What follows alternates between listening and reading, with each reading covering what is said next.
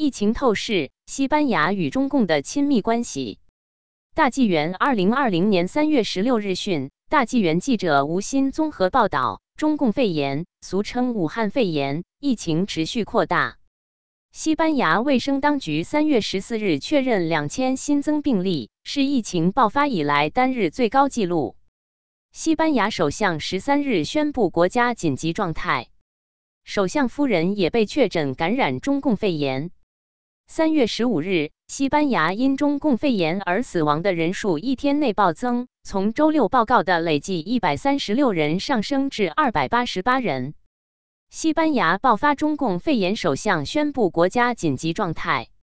西班牙的中共肺炎 （COVID-19） 病例数在欧洲国家中列第二，首都马德里是西班牙疫情最严重的地区。西班牙领先的制药报纸《El Global》报道。一月三十一日，西班牙确认发现首例中共肺炎病例，这是一名德国游客，他曾在哥梅拉 （Gomera） 岛上旅游，并与其他被隔离治疗的五人一起在岛上住院。该患者的病毒检测呈阳性，曾与德国另一起确诊病例密切接触。西班牙卫生部紧急协调官员费尔南多·西蒙 （Fernando Simon） 认为。中共肺炎正在西班牙医院无症状蔓延。二月二十四日，随着意大利的中共肺炎大爆发，西班牙确认了更多与意大利群聚相关的病例。三月一日，西班牙病例总数达到八十三例，并出现社区感染。此后，感染人数加速增长，三月五日到达近二百三十例，并确认有三人已经因中共肺炎而死亡。第一名死者来自瓦伦西亚 （Valencia），他于二月十三日死亡。最初，他被认为只是死于肺炎，但尸检后来显示他感染了中共肺炎。二零二零年三月九日，马德里社区的感染病例在几小时内成倍增加，西班牙各地已有近千病例。德里自治区政府批准采取特别措施，自三月十一日起实施。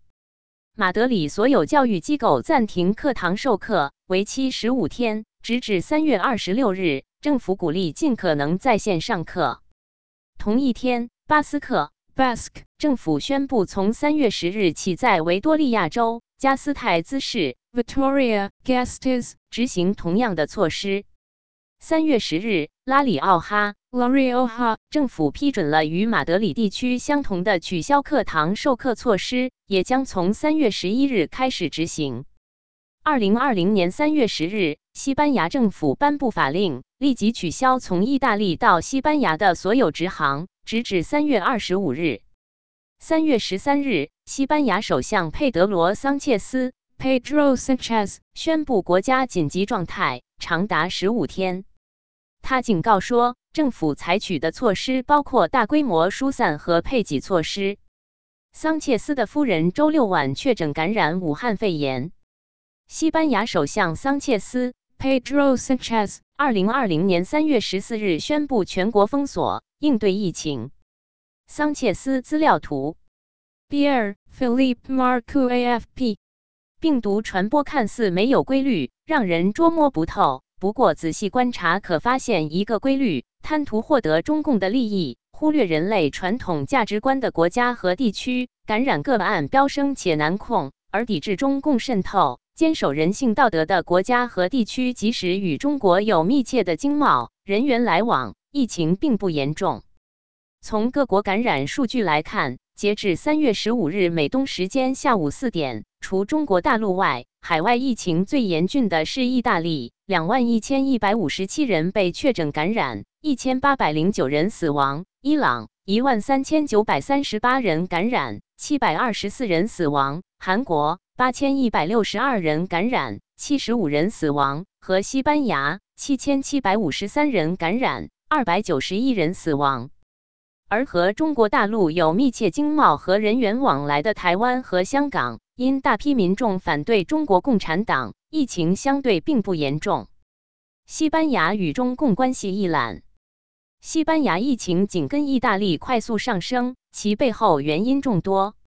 大纪元特稿：中共病毒针对共产党而来，指出武汉肺炎在中国之外的扩散趋势。鲜明的点出了病毒的风向和目标，它是冲着共产党而来的。那么，西班牙与共产党的关系如何？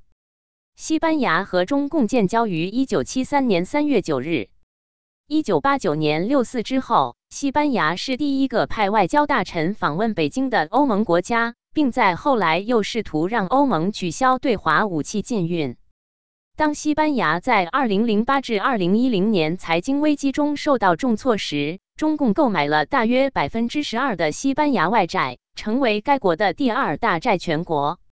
二零零五年，西班牙和中共建立全面战略伙伴关系。自此，西班牙和中共在文化交流、民用核能合作等问题上达成了十四项实质性协议。二零一八年十一月，两国再次签署了《中华人民共和国和西班牙王国关于加强新时期全面战略伙伴关系的联合声明》。截至二零一九年十二月。西班牙和中国建立了二十九对友好省市。目前，在西班牙共设有八所孔子学院、八个孔子课堂和两个下设课堂。中国中共是西班牙在欧盟外的第一大贸易伙伴，西班牙是中国中共在欧盟内的第六大贸易伙伴。截至二零一九年十月底，西班牙累计对华投资项目两千五百七十四个，在华企业七百余家。主要涉及金融、能源、电信、运输等行业。西班牙与中共在政治、经济、文化领域的战略伙伴关系是如何具体实施的呢？“一带一路”欧洲计划，西班牙愿意推动。二零一七年，西班牙首相出席中共的一带一路国际合作高峰论坛。在欧洲，参与“一带一路”倡议的国家并不多。法新社曾报道，西班牙的一名官员表示，欧盟有欧式新战略，加强欧亚之间的联系，因此欧洲国家应该在现行框架内作业。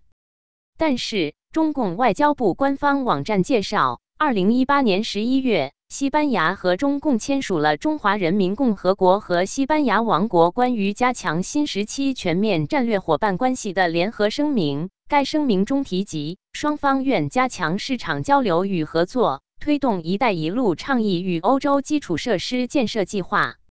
西班牙国家报当时分析认为，中共为应对中美关系恶化，拉拢可在中欧关系中发挥关键作用的西班牙，以便在改善中欧关系时发挥作用。二零一九年四月，西班牙外交、欧盟与合作大臣何塞普·博雷利·丰特列斯。Josep Borrell Fontelles 作为西班牙首相特使，再次到中国参加“一带一路”国际合作高峰论坛。中共的一带一路计划长期以来一直被视为是预测中共在世界范围内影响力的一种方式，其投资考虑的是中共的利益。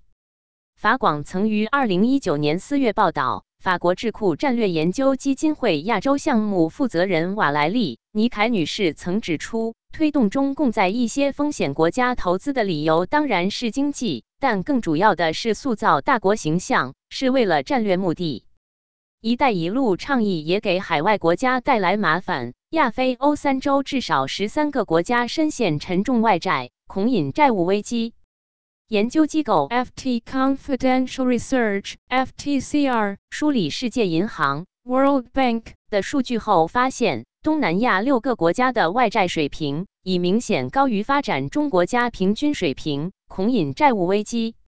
一个典型的例子是在“一带一路”下，中共贷款给斯里兰卡开发汉班托塔港。Hembanoto 斯里兰卡因还不起债务，于去年十二月正式将由中方建设的这个战略港口以九十九年租约的形式交给中共。启动五 G 网络核心设备来自华为。二零一九年六月十五日，西班牙沃达丰 （Vodafone） 正式启动了该国的首个五 G 商用移动网络，首批覆盖十五个城市。华为是核心设备供应商。据悉，华为公司与沃达丰保持了十几年的长期合作关系。二零一九年七月五日，西班牙多家媒体报道，华为公司在西班牙首都马德里开设了其在海外最大的一家旗舰店。该店共有两层，占地面积一千一百平方米。西班牙电信是欧洲第四大电信集团。法广二零一九年十二月十七日报道，该公司在西班牙和德国等关键市场的核心四 G 网络仍完全依赖华为设备。该公司首席技术及信息官恩瑞克·布兰科 （Enrique Blanco） 表示，将在五 G 网络中大幅减少华为设备的使用，但他同时表示。该公司调整设备使用纯粹是技术性决策。西班牙电信没有见到有证据支持美国总统川普关于华为设备不安全的说法。他还表示，该公司将继续购买华为的射频和天线。华为是中共 5G 技术的重点扶持对象，中共可以通过华为的 5G 设备获得非常关键和敏感的信息，并进入控制整个社会的系统。所有的一切在未来都会连接到五 G 网上。西方社会担心，如果使用华为五 G 设备，中共将掌握控制权。西班牙剧院听从中共取消神韵演出。在文化领域，西班牙与中共交往频繁，甚至对中共言听计从，做出不守信用、不惜违背西方商业道德原则的事情。二零一九年一月，西班牙马德里王室剧院。Teatro Real 在神韵上演的几周前，突然通知神韵主办方演出将被强制取消。主办机构的副主席高梅兹 （Sandra Flores Gomez） 表示，该剧院取消演出令人无法接受。但他也表示，该剧院和中共的关系密切，当时还同意派出歌剧团到中国大陆演出。中共领导人的家属还曾在西班牙王后陪同下参观了王室剧院。一月二十八日，追查国际针对中共驻西班牙大使吕凡干扰神韵艺术团演出事件发表调查报告。报告指出，一月二十二日，调查员以中共某部级官员的身份给中共驻西班牙大使吕凡去电话，调查为何剧院取消已经签好的神韵演出合同。中共大使吕凡在电话中承认，他亲自出面给剧院施加压力，取消演出合同。在中共以中国大市场的威逼利诱下，吕凡和剧院经理共同谋划，以技术原因为借口取消演出。美国神韵艺术团旨在复兴中华五千年文明中仁义、善良、正直等传统文化的核心道德观，代表了正统的中华文化。自2006年成立以来，神韵每年在世界各地巡回演出，受到各地民众、精英、政要的欢迎和敬仰。但中共一直以经济为借口，利诱、威逼上演神韵的各地剧院，从而破坏神韵演出，违背国际法原则，撤销对中共前高官调查案件。为了向中共示好，西班牙甚至还修改法律。西班牙高院法院在二零一四年六月二十三日决定撤销对两宗案件的司法调查。有关决定根据当年三月通过的新法律作出。该法律规定，西班牙法院无权调查不涉及西班牙受害者或所谓犯罪者案件。二零零六年，一名藏匿西班牙僧侣向西班牙法院提出控告，指控前中共领导人涉嫌对西藏犯有种族灭绝罪行。二零一四年二月十日，西班牙高院莫雷诺法官签发逮捕令，以种族灭绝、酷刑和反人类罪的罪名，发布对中共前国家主席江泽民的逮捕和监禁令。他还下令对中共前总理李鹏和其他有关中共官员发布类似的通缉令。中共外交部发言人在当天回应西班牙法官的行为时称，下达该逮捕令是一个错误的举动，并说中国。中共与西班牙的关系能否健康发展，将取决于西班牙政府是否会恰当处理这一案件。西班牙中间偏右政府在当年三月快速通过有关法律，限制法官的检控权利。从那时开始，西班牙高院重新审议所有的普遍管辖权案件，并将那些与西班牙没有联系的案件调查撤销。普遍管辖权是国际法的原则之一。根据这一原则，无论被控犯罪人国籍、居住国或与起诉国关系如何，即使该罪行是在起诉国领土之外犯下，也可以对被告行使刑事管辖权。西班牙政府否认在收到中共抗议才引入相关的新法例。西班牙高院不仅撤销了藏匿西班牙僧侣提出的司法案件，同时也撤销了部分法轮功团体指控中共前领导人迫害法轮功学员的案件，指认一个中国将台湾人引渡到大陆。二零一九年二月，台湾外交部发表声明，对西班牙政府不顾台湾政府和人权组织的反对，无视中国人权状况，将两名台湾人递解到中国大陆。台湾刑侦局说，自从二零一六年以来，已经有四百多名在其他国家被捕的台湾嫌疑人被送到中国。二零一七年十二月，西班牙国家法庭坚持一个中国原则，决定将有犯罪嫌疑的台湾人递解到中国。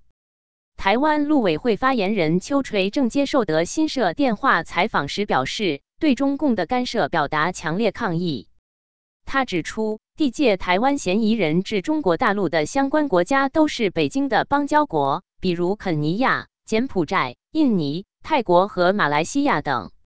而中共外交部发言人在例行记者会上表示，中方对西班牙法院作出的裁决表示欢迎，这是中西两国根据引渡条约开展合作打击犯罪的重要成果。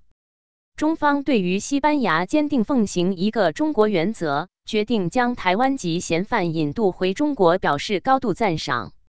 中共从二零一六年开始，根据所谓的一个中国原则，不断从非洲、欧洲和亚洲很多国家将涉及违法的台湾人引渡到中国。台湾政府虽不断强烈抗议，指出这些嫌疑人所持的都是台湾护照，理应根据国籍管辖原则和本人意愿递解回台湾。但到目前为止，台湾的抗议似乎收效甚微。西共和中共互动公社党青年团接受中共洗脑。虽然西班牙属于西方民主国家的一员，但随着中共在全球输出意识形态，西班牙的左派政党势力正在抬头，并为中共唱赞歌。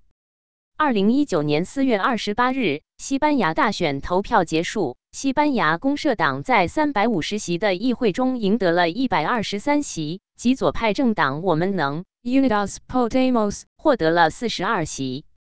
中共新华网二零一九年九月报道，应西班牙共产党邀请，中共代表访问西班牙，并会见西共总书记恩里克·圣地亚哥 Enrique Santiago 及公社党我们能。Unidas Podemos 党的领导人。去年六月二十七日，西班牙公社党的社会主义青年团组织书记里卡多·罗萨斯参加了中共举办的会议。